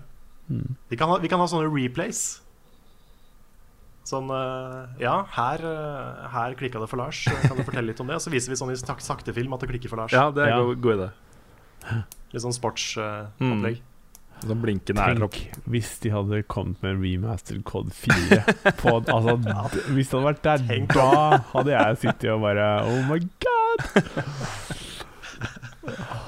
Jeg hadde sånn den reaksjonen her i stad når du kom med nyheten, for jeg hadde ikke hørt om det, så jeg, eller lest det, så jeg var sånn What? Ja, men eh, Jeg hadde gleda meg sånn til å fortelle det. Ja, det skjønte jeg, det var bare sånn her, Jesus Christ, så kult. Ja. Eh, vi har fått flere jo ja, Ok, Ja. eh, Skal jeg gå videre? Ja. Ja, Vi har fått flere gode spørsmål her fra Jakob på Patreon Jeg vet ikke om jeg tar alle, men jeg kan jo begynne i hvert fall med det første. Mm. Um, Jakob hvem? Ja, det står bare Jakob, så oh, ja, det kan jo være vår venn Jakob. Jeg vet ikke. Ja, nei, ikke vet jeg. Nei, Men spørsmålet er da i hvert fall Uansett, så er det, uansett så er det vår venn Jakob. Ja, det er uansett vår venn Jakob. Eh, han spør Vi er midt inne i en travel vårsesong, og flere store utgivelser står nå for tur. Uncharted 4, Battleborn, Overwatch, Mirror's Edge, Catalyst, No Man's Sky etc. Rekker Level Up kollektiv å spille alle, og hvilke spill gleder dere dere mest til? Det første er vel eh, eh, Svaret på det er vel ja. Vi, alle disse spillene skal vi få eh, spilt og anmeldt på en eller annen måte. Mm. Ja. Det, det sier jo seg selv. Uh, Vi må jo det. Ja. ellers så gleder jeg meg til alle disse spillene. Eh, kanskje det jeg gleder meg minst til, hvis det er lov å si, er Battleborn. Men det er kanskje fordi jeg er mer gira på Overwatch, av de, hvis man setter de to opp mot hverandre. Jeg vet ikke. Mm. Ja, men der er jeg helt enig med deg. Jeg har akkurat Ja. samme følelsen. Battleborn er jeg ikke Jeg har ikke noe forhold til det. Jeg har hørt fra de som har spilt det, at det har veldig sånn klein meme-humor. Ok Som prøver veldig hardt å være morsom på ting som var morsomme for fem år siden. Ja. Jeg håper ikke det stemmer, at det liksom ikke blir ødelagt av litt sånn håpløs humor. Mm. Nei, for Jeg har jo veldig sansen for det de prøver å få til. Da. Det å blande Moba med eh, FPS og gjøre det til en eh, sånn kul actionopplevelse. Jeg, jeg liker konseptet, men eh, Mm. jeg syns bare Kanskje liksom det er noe for, uh, noe for Svendsen. Kanskje det. Det kan godt tenkes. Egentlig så, egentlig så bør jo på en måte Overwatch og eh, Battleborn settes litt opp mot hverandre også. Eh, Mm. kanskje. Jeg vet ikke. ja. Nei. Men av alle disse Yes. spillene, da Det er liksom ja, det er, Vi snakka om hva man gleder seg mest til eh, i forrige episode. Og der så nevnte jeg jo No Man's eh, Sky. Men eh, både Uncharted 4, Overwatch og Mirror's Edge, Catalyst og uh, No Man's Sky er jo så høyt på lista mi over ting jeg gleder meg til. Så Mm. det blir stas. Mirror's Edge ble utsatt i juni, så jeg. Ja. Det ble det, ja. Så det gjør, Ja. det gjør det jo litt lettere. Ja, sant. ja. Så det er jo uh, Det jeg gleder meg mest til nå, er vel Persona 5 og Final Fantasy 15, tenker jeg. Mm. Føler jeg er, det er veldig JRPG å si det, men det er de to spillene jeg gleder meg mest til nå. Altså. Det lå det, Karl. Ja, det. Mm. det er jo kanskje på tide at den sjangeren får litt comeback. Jepp. Hva gleder Ja. du deg mest til, uh, Lars? Det er vel Uncharted 4? ja, det er en Charted 4. Ja. Det er det, altså. Det, det er definitivt andre spill jeg også gleder til meg Gleder meg til. Gleder til meg. Men Gleder til meg eh, mest. Ja, men eh, Men uh, Uncharted ligger høyest per Mm. nå. Åh, det blir en så bra Nei, vent, da! Vent, da. Call of Duty 4. Jesus Ja, ok, ok, Christ! greit. altså. Men dette, nå, snakker, nå har jeg snakket om vårsesongen. er ikke, vi er Ja, ikke ok, på høsten ennå. Ok, greit. ok, greit Um, nei, det blir en veldig bra måned. Og det som er kult nå, er at uh, innen dette voldsomme slippet kommer, så er vi jo uh, mer eller mindre helt på plass på nye kontoret. Uh, mm. Og er ferdig med en del av de organisatoriske tingene som vi har uh, slitt med nå de siste månedene. Mm. Så det går an å faktisk bare sitte en hel uke og jobbe, istedenfor å fly fra møte til møte og uh, pakke og herje og stå i. Så uh, Ja. åh, det blir deilig, Det altså. blir deilig. Det blir kjempedeilig. Uh, Jakob spør også uh, Han skriver at den åpne Doom-betaen ble gjennomført for snart to uker siden. Fikk dere prøvd den? Og hvis ja, hva er deres inntrykk? Uh, jeg vet, den eneste av oss som har testa den, er jo deg, Lars. Så jeg, jeg så den flotte videoen som du og Nick ga ut. Det ser Ja. gøy ut, altså. Ja, Um, det var jo tidvis gøy, det skal jeg innrømme. Eh, samtidig må jeg si at dette er jo Dette er ikke et spill som Altså, det er ikke helt meg, da. Du liker det Eh, litt, det- litt mer langsomt, kanskje? Nei, jeg vet ikke om jeg syns det var langsomt. Det bare, jeg syns det ble litt flatt. Uh, Ja. Hvis jeg kan si det på den måten. Um, Ja, men Det er det jeg mente, at du liker eh, spill som er litt mer langsomme, kanskje litt mer avanserte, litt mer sånn Å ja, sånn, ja. Ja. Ja. Eh, ja antagelig. Um, uh, og så var det Men det var uvant. Altså, jeg har jo aldri spilt eh, noe særlig Doom før. Um, men uh, jeg likte noen av modusene, spesielt den ene hvor vi skulle fange et sånt Sånn punkt som hele tiden beveget seg rundt på mappet. Så var det om å gjøre å holde det. Det syns jeg var, det var en veldig kul modus. Um, men den videoen viser vel basically bare at jeg er frustrert over at jeg ikke får tatt noen, mens Nick bare er sånn Oh yeah! Det er sånn Ja, han, han gikk litt über eh, der, altså. Ja, ja, ja, altså kontrasten der er litt sånn stor. Det tenker jeg, det tenker jeg kan være litt morsom, men uh, Nick er han vennen som er best i alle spill, Mm. Ja. føler jeg. Ja. Han, er liksom, han, er, han er god i alt. Han er ja. Nei, jeg jeg, jeg syns det så veldig gøy ut. da Jeg har jo savna litt uh, sånne fast-paced uh, arena-skytespill. Um, Og jeg ble litt glad når jeg så at, eh, at det gikk så fort, og at det var eh, det samme fokuset på, på eh, sånn bevegelsesferdigheter og, og sånne ting. Jeg syns det, synes det så stas ut. Ja, absolutt. Altså, jeg kan se at dette kan være morsomt. Um, og mm, jeg vet ikke om jeg nødvendigvis har problemer med at det går så fort. Det var mer det at det var veldig uvant bevegelse i det i forhold til hva jeg har vært vant til i andre FPS-spill. Ehm, men uh, jeg kan se at det kan være gøy, og selv om det ikke nødvendigvis er et spill for meg, så så tror jeg mange kan ha det dritkult med det. Det er veldig mye kule ting de har lagt til, da. Så ja. Mye potensial. Mm. Mm. Jeg, fikk, jeg fikk litt sånn partyspillstemning av multiplayeren der. Mm. Ja, Jeg vet ikke om det er split screen i det. Nei, det aner jeg ikke. Det har vi ikke fått testa, for å si det rett ut. Så ja. Men um, Jeg tenkte jeg skulle ta et spørsmål, jeg. Ja, Eh, Synne Schjelderup eh, sier hun Vel, jeg spurte Lars, han var ikke helt sikker, men skal dere på Desicon i år? Håper jo det. Ja, jeg regner med at vi tar eh, turen dit, altså. Ja. Det er jo syns jo Desukan er Eller Kons generelt er jo superkoselig, så jeg håper jeg får med meg så mange som mulig. mm. Nei, Vi har jo eh, tenkt til det, og så har vi også tenkt oss på eh, retrospillmessen i Sandefjord. Det har vi. Det er ikke så lenge til. Det er ikke så lenge til. Så Nei, vi- får prøve. Ja, ikke sant? Ja. Vi får prøve å møte opp på de tingene som ikke er så langt unna, og som det går an å dra på og gjøre ting på, f.eks. Ja. Mm. Definitivt. Har dere Um, noen flere spørsmål? Uh, ja. Det er et litt morsomt spørsmål fra Simen Meisdal her. Mm. Hvilken film eh, eller spill, da kan jeg legge til, uh, lekte dere mest da dere gikk på barneskolen? Han sier selv at jeg husker ofte vi lata som vi sloss med lightsabers fra Star Wars. Ja. Der var jeg òg.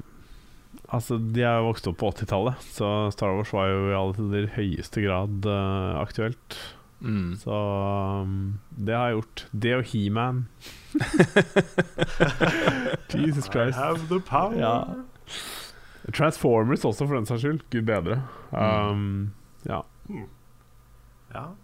Jeg Det var likte vel egentlig nesten, nesten bare Sonic og Tales med en venninne i klassen. ja. Så jeg fikk, jeg fikk stort sett lov å være Sonic. Så vi var, ingen av oss var populære, men det var det vi likte. Ja, ja, ja. Men uh, det får være Og så greit. lagde, vi, så lagde jeg sånn i en alder av 12, tror jeg. Eller 13-14 var jeg kanskje. Så Mm. samla jeg en kompis og søstera mi. Og så Ja. lagde vi James Bond-filmer med et sånt kamera som ikke var digitalt. Så vi måtte liksom, hvis vi Hvis vi filma feil, så måtte vi spole tilbake og prøve å matche det. Cirka der hvor, den, der hvor filmen, Kult. Mm. filmen stoppa. Ja, det er kult. Jeg Um, husker en av, en av mine kjæreste eiendeler som barn var jo Star Wars-actionfigurene. Jeg lagde jo masse scener med, med de. Det var, eh, det var veldig stas. Ellers så var jeg også veldig glad i Tarzan og um, Det ville Vesten, den TV-serien som gikk på NRK på 80-tallet. Så jeg bodde jo rett ved skogen, så jeg lekte mye Tarzan og cowboy. da Cowboy-indianer ute i skauen. Det var, Ja, var nice. gøy. Gud, det har jeg gjort, og det førte aldri noe bra med seg. Det var liksom hadde sånn kruttlapppistoler, og vi skøyt liksom piler på hverandre. Og det var ikke måte på. liksom At det gikk bra, er jo et under. Jeg var en på Eh. feltet hos, hos meg som mista et øye uh, fra en pil. Fra en pil. Mm. I, så, Så det I er sånn akkurat sånn som den. South Park-episoden. Hvor de får ninjastjerner og sånn og begynner å kaste dem. ja. Ja, riktig. Ja. Ja, Jesus. Um, vi har fått uh, to spørsmål som er ganske like. Det er så morsomt at det er uh, alltid uh, Det er alltid noen som på en måte stiller noenlunde de samme spørsmålene. Og Det er Ole Kristian Rustaden som spør hvilket spill har fått dere til å gråte, og hvorfor. Og så er det Theis Magelsen som sier Hva var det forrige spillet som fikk dere til å gråte? For meg var det avslutningen av Valiant Heart. Det spillet påvirket meg i større grad enn jeg forventet. Jeg kan ikke huske å har faktisk grått av noen spill. Altså Nei. at det faktisk har Nei. kommet tårer. Men jeg har vært veldig nær, liksom. Jeg har vært veldig beveget. Og eh, hvis jeg ikke hadde vært så utrolig tøff som jeg er, så hadde jeg kanskje begynt å gråte. Mm. Du er så mann, altså. ja, jeg er, Rune. jeg, jeg Ja. er så mann. Det er helt Ekte mann utrolig hvor mann, mann jeg er, altså. Helt fantastisk. Ja. Du er så ekte mann at du spiser Ja. pizzaburger fra Dr. Ødker. Jeg er, jeg er så mann at jeg må ha sånn eget støtteoppheng til ballene mine når jeg er ute og går, Oh, sånn at ikke det liksom jeg skal Christ. slepe i bakken. Ja. Mm. Du, bruk, Oi, oi, oi. du bruker den ikke som sånn hoppeball. Sånn. Nei, jeg gjør ikke det. Du kan, du, kan, du kan lene deg på tissen. Ja. Mm. Oi, oi. Ja. Uh, men Ja. men uh, hvis, hvis jeg hadde gjort det, da, så det siste som, uh, som ehm, eh, da ville ha fått meg til å gråte, er kanskje Bioshock Infinite. Mm. og, og eller The Last of Us og eller Brothers. De tre spillene var veldig, veldig Ble veldig beveget av de, altså. Veldig. Er, Brothers eh, er et grinespill. Ja, fytte rakkeren. Ja. mm. Jeg tror, eh, eller det vil si, jeg tror ikke jeg vet at det siste spillet som fikk meg til å grine, var Undertale. Det er spesielt Det er mange, men det er spesielt et par øyeblikk i det spillet som bare treffer meg så intenst i hjertet at det Det var følelser. Og det var følelser som varte i ukevis. Jeg blir fortsatt litt emosjonell av å liksom tenke på noe av det. Mm. Så det, det spillet har treffet ganske hardt. Altså. Mm. Ja, Ellers er det kanskje- du har grått da? Ja, Ja. bare Nei, du... Skal jeg fortsette? Ja. Ja, det, det tristeste spillet jeg har spilt noen gang, er nok sannsynligvis eh, Metal Gear Solid eh, 3. Tror jeg. Fordi ehm, ehm, Det er en sånn derre Halve spillet er jo uh, en sånn moral, intern konflikt som Snake har uh, mellom Og så oppdraget hans er å uh, drepe The Boss, som var hans mentor. Og som har lært han alt han kan, og som har vært den, liksom, den viktigste personen i livet hans. Så, så han har da den konflikten i seg selv mellom å følge ordre som eh, soldat på en måte, og gjøre de tingene som man får beskjed om å gjøre, uh, og uh, det å da måtte drepe uh, den viktigste personen i livet hans. En veldig sånn sterk ting. Og bruker veldig mye tid på å bygge opp akkurat den konflikten, interne konflikten i han. Og så er det en fantastisk scene hvor de to da til slutt møtes. Og så er da det aller, aller tristeste er liksom slutten, hvor eh, det kommer fram ting som gjør at Oh, Jesus Christ. Hva har jeg gjort, liksom? Mm.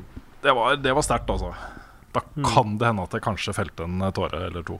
Det husker jeg ikke helt, men ja. ja. Hadde du noen andre spill, eh, Karl? Ja, det er et par, det er et par spill til. Eh, husker ikke alle, men i hvert fall uh, slutten på Lost Odyssey husker jeg veldig godt.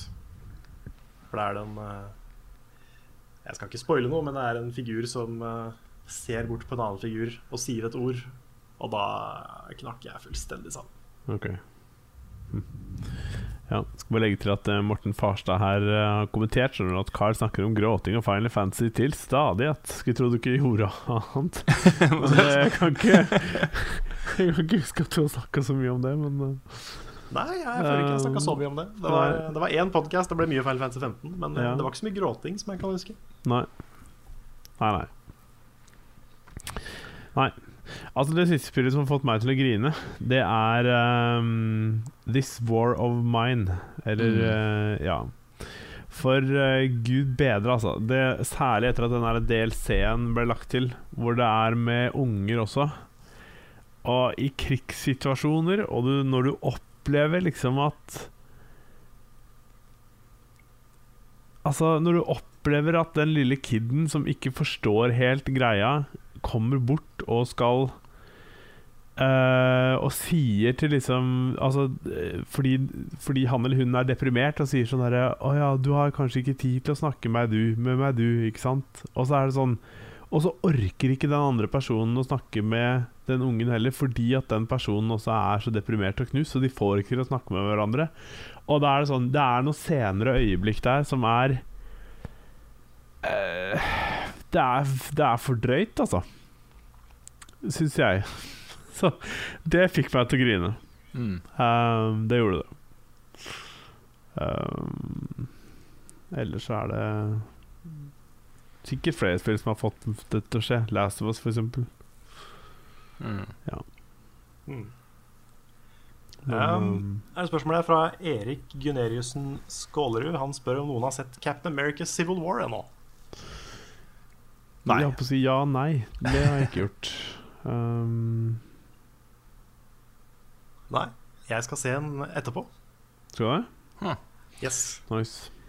Jeg var tidlig ute med å bestille billetter til første 2D-visning, så da, da blir det Ja. det. Ja. Sweet. Det gleder jeg meg til å se, altså. Ja, jeg gleder meg veldig sjøl. Litt sånn halvveis eh, apropos, eh, spørsmål fra Christian Five på Patron. Eh, jeg lurte på hva som er det beste filmbaserte spillet dere har spilt. For min del var det King Kong på Xbox. Jeg husker King Kong, det var jo Michelle selv det, i Ubisoft som lagde det spillet. Ikke alene, selvfølgelig, sammen med et team av andre utviklere. Mm. Men det var veldig bra. Jeg husker at jeg likte det innmari godt. Eh, Men jeg tror mitt svar er nok eh, Det mest åpenbare er kanskje Golden Eye, men det, det svaret jeg har lyst til å gi, er um, Chronicles of Riddick, X Escape from Butcher Bay. Mm. Det var utvikla av svenske selskapet Starbreeze. Og de, det var så kult, fordi de tok da utgangspunkt i eh, eh, en film som var innmari bra. Så lagde de på en måte eh, forhistorien til den filmen. Eh, Istedenfor å lage filmen på nytt. Så um, lagde de han Også Riddick er i fengsel og skal eh, bryte seg ut av fengselet. Det er på en måte spillet. Det var kjempebra. Kjempe, kjempe, kjempebra. Ja. Um, det er jo veldig fristende å si Golden Eye, men jeg tror kanskje, for å si noe annet, så Home Alone på Sega Mega Drive. Ja. Det var gøy. Kult. Spilte jeg masse da jeg var liten. Mm. Home Alone. Yes. De hadde litt sånn crafting-system og greier, så du kunne lage feller og sånne rare out there guns og sånn du kunne bruke på tyvene. Ja, lagde ikke du en klassiker på det? Jo da. Jo, det er noen år Stemmer det. siden, men jeg gjorde det. Ja. Ja, riktig. Ja. Um, nå skal jeg komme med den kleineste tingen. Kan du si originalspørsmålet en gang? Hva er, det, hva er det beste filmbaserte spillet du har spilt, eh, Lars? Ja, riktig. Uh, det var det det var. Det er, jeg tror nesten det må bli Batman, for det er det, det første Batman-spillet er det eneste spillet jeg tror jeg har spilt som har vært særlig basert på noe film. Hvilket første Batman-spill? Tenker du Arkham Ja, altså, Asylum? det, Arkham, er det ikke Arkham Asylum det heter, da? Den mm. første i den håper å si rebooten, eller hva man skal kalle det. Ja, for det har jo kommet mange Um, andre Batman-spill opp igjennom også. Ja, Nei, det, var, det er det jeg tenker på, da. Mm. Um, det som alle Eller den serien alle prissetter så høyt. Og det, det var jo veldig bra også, så jeg skjønner jo det. Uh, men jeg har ikke spilt så veldig mye Jeg erklærer i hvert fall svaret ditt for ugyldig, for det er jo ikke basert på en film, eh, Lars. Nei, det er kanskje ikke det. Jeg bare tenkte at det var liksom At det var det, da. Men det er kanskje ikke det. Batman er jo originalt en uh, graphic novel, tegneserie. Ja, ja ok, da. Ja, Ja, her, må vi Nei, være, her må vi nesten være strenge også. Det, Ja! det er greit. Altså, vi- det er greit. Hvis ikke vi slår ned på sånne ting, så flyter alt ut. ja, det, hvor. Ja, hvor er ender det da? Hvor ender det da? Ja. Ja. Jeg må nesten være litt sånn partypooper, jeg, fordi jeg må, jeg må drive og hente barn i barnehage og sånne ting. Uh, Ja. Så jeg tenkte vi kan begynne å tenke på å runde av. ja. Det kan vi gjøre. Rekker vi et par spørsmål til? Vi rekker et par spørsmål til. Og så har, Ja. eh, har jeg et eh, fint siste spørsmål også, eh, liggende klart. Mhm. Jeg har også et veldig, et veldig viktig spørsmål fra Kim André Gjerde, eller Gjerde, her. Mm. Han spør hikke resten av livet eller aldri mer ereksjon. Åh, det er så irriterende å hikke. Det er så irriterende å hikke. Ja, jeg Det var tror et veldig bra heller- dilemma. Det var det, men jeg tror faktisk jeg heller ville vært impotent enn å hikke konstant, altså, for det er så grusomt. Ja, jeg er enig. Du hadde fått sove i det hele tatt da, liksom? Nei, det, Jeg leste en sånn skrekkhistorie om noen som hadde hikka i 60 år da jeg var liten. Å, fy fader. Og siden det så har det vært en sånn fobi. Jeg er redd for å bare ikke slutte å hikke. Men det må jo være mulig å bli vant til det, tror du ikke det? Åh, jeg klarer ikke å se for meg at det går. Nei, kanskje ikke. Ah, Jesus. Ja, nei. Ah. Ja, nei, jeg er enig, ass. Um, hikke er Ja, men forferdelig. Folkens, ikke da. puste til Også. Ja. det der også det, um, det andre, det andre enn å hikke det, det er jo så viktig. ja, men altså Det er en så stor del av å være menneske, på en måte. Ja, Ja, men, men, mister du eh, ikke den driften også da, hvis ikke du får det? Jeg vet, Ja, altså, jeg vet altså, ikke, hvis, hvis, ikke, hvis ikke du får det, så tenk deg alt du får gjort. Og så du kan jo Ja, du- eh, i den, Du kan jo begynne å gjøre noe med livet ditt, Du liksom. kan jo faktisk begynne ja, å gjøre noe med livet ditt. Ja. Det er, er det kanskje et poeng. ja. ja, Du kan jo bli sånn som Varys i Game of Thrones. Du, bare, du, du er dritsmart fordi du tenker ikke på sex. Mm. Nei. Jeg tror allikevel også Jeg måtte bare lært meg å leve med den hikken, jeg også. Tror det. Ja, såpass. Ja.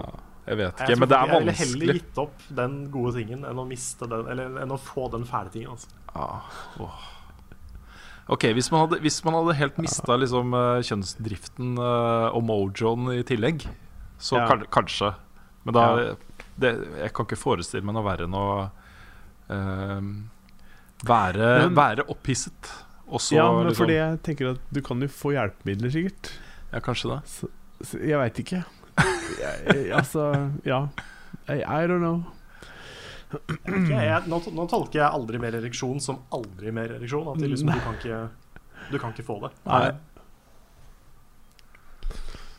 Ja, ja. Ja, nei, jeg vet ikke. Um, Nei, det var uh, vanskelig. Ja. Uff. Men um, sånn er det. Um, jeg trodde jeg hadde et uh, spørsmål til, men det hadde jeg ikke. Så hvis Du hadde kanskje uh, et til, uh, Karen?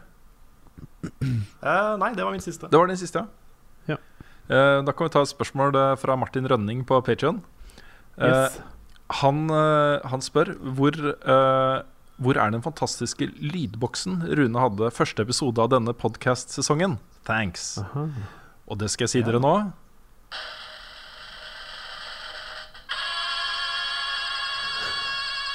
Der er den. jeg, liker har fortsatt. Jeg har den fortsatt. jeg Jeg, tanken var liksom egentlig bare å Jeg hadde ikke litt tenkt til å bruke den i alle podkaster. tanken var bare å bruke den én gang, for mo- moro skyld. Men Mm. eh, den er jo her fortsatt, så eh, Ja. Hvis vi noen gang trenger en lydboks med effekter, så har vi det. Mm. Det er perfekt. Jeg liker den nervøse slutten på den her fanfaren der. Den er veldig usikker på hva den egentlig gjør. Er dette positivt? Er det? Ja, jeg vet ikke helt. Ja, ja det var ja, Det er veldig morsomt også. Ja, ikke Den der, den der blir så ekkel på slutten. Det er eh, demonlatter etter hvert. Ja. Det begynner med liksom litt sånn hygge, og så etter hvert så bare kommer den der onde undertonen. Og så eh, Hør nå, vent litt. da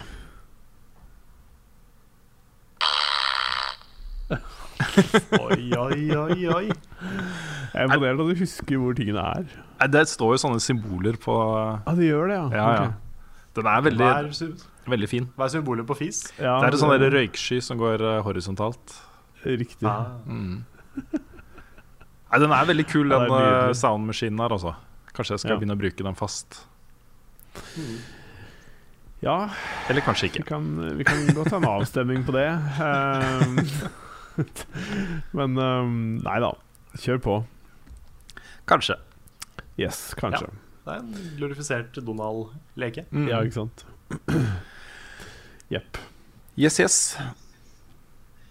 Skal Det vi var, det var det for i dag, eller? Ja. Litt kortere enn vanlig, men uh, Ja. det er vel greit? Vi kommer, eh, vi kommer sterkere tilbake neste uke, kanskje? Ja da. Kommer alltid sterkere er, tilbake. eh, Ja. Alltid sterkere. Alltid litt sterkere. Mm. ja. Ja, nei, men da er det vel eh, bare å takke alle sammen som har eh, hørt på. Og tusen takk til Rune, tusen takk til Lars, som vanlig, for at de er her. Bare Takk til hyggelig.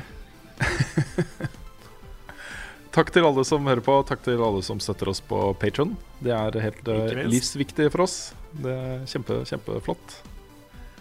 Det er det. Det er det som gjør at vi får eh, muligheten til å gjøre dette her. Mm. Uten tvil. Så det er kjempebra. Ja. Yes. Takk for i dag. Ha en god helg, osv. alle sammen. Så ses vi neste gang dere velger å se slash høre på noe vi har laga. Eventuelt på gata, hvis det skjer. Ja, det også kan det skje. Kan det skje, det Ja. òg. Vi er så dårlige på å avslutte folk.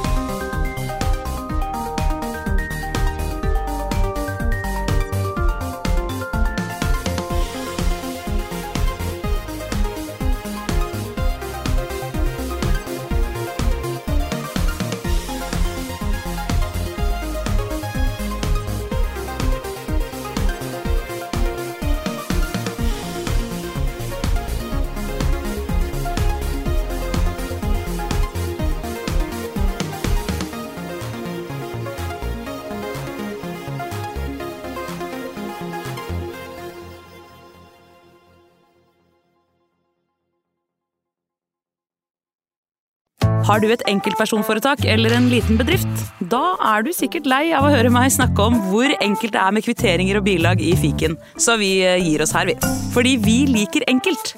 Fiken superenkelt regnskap.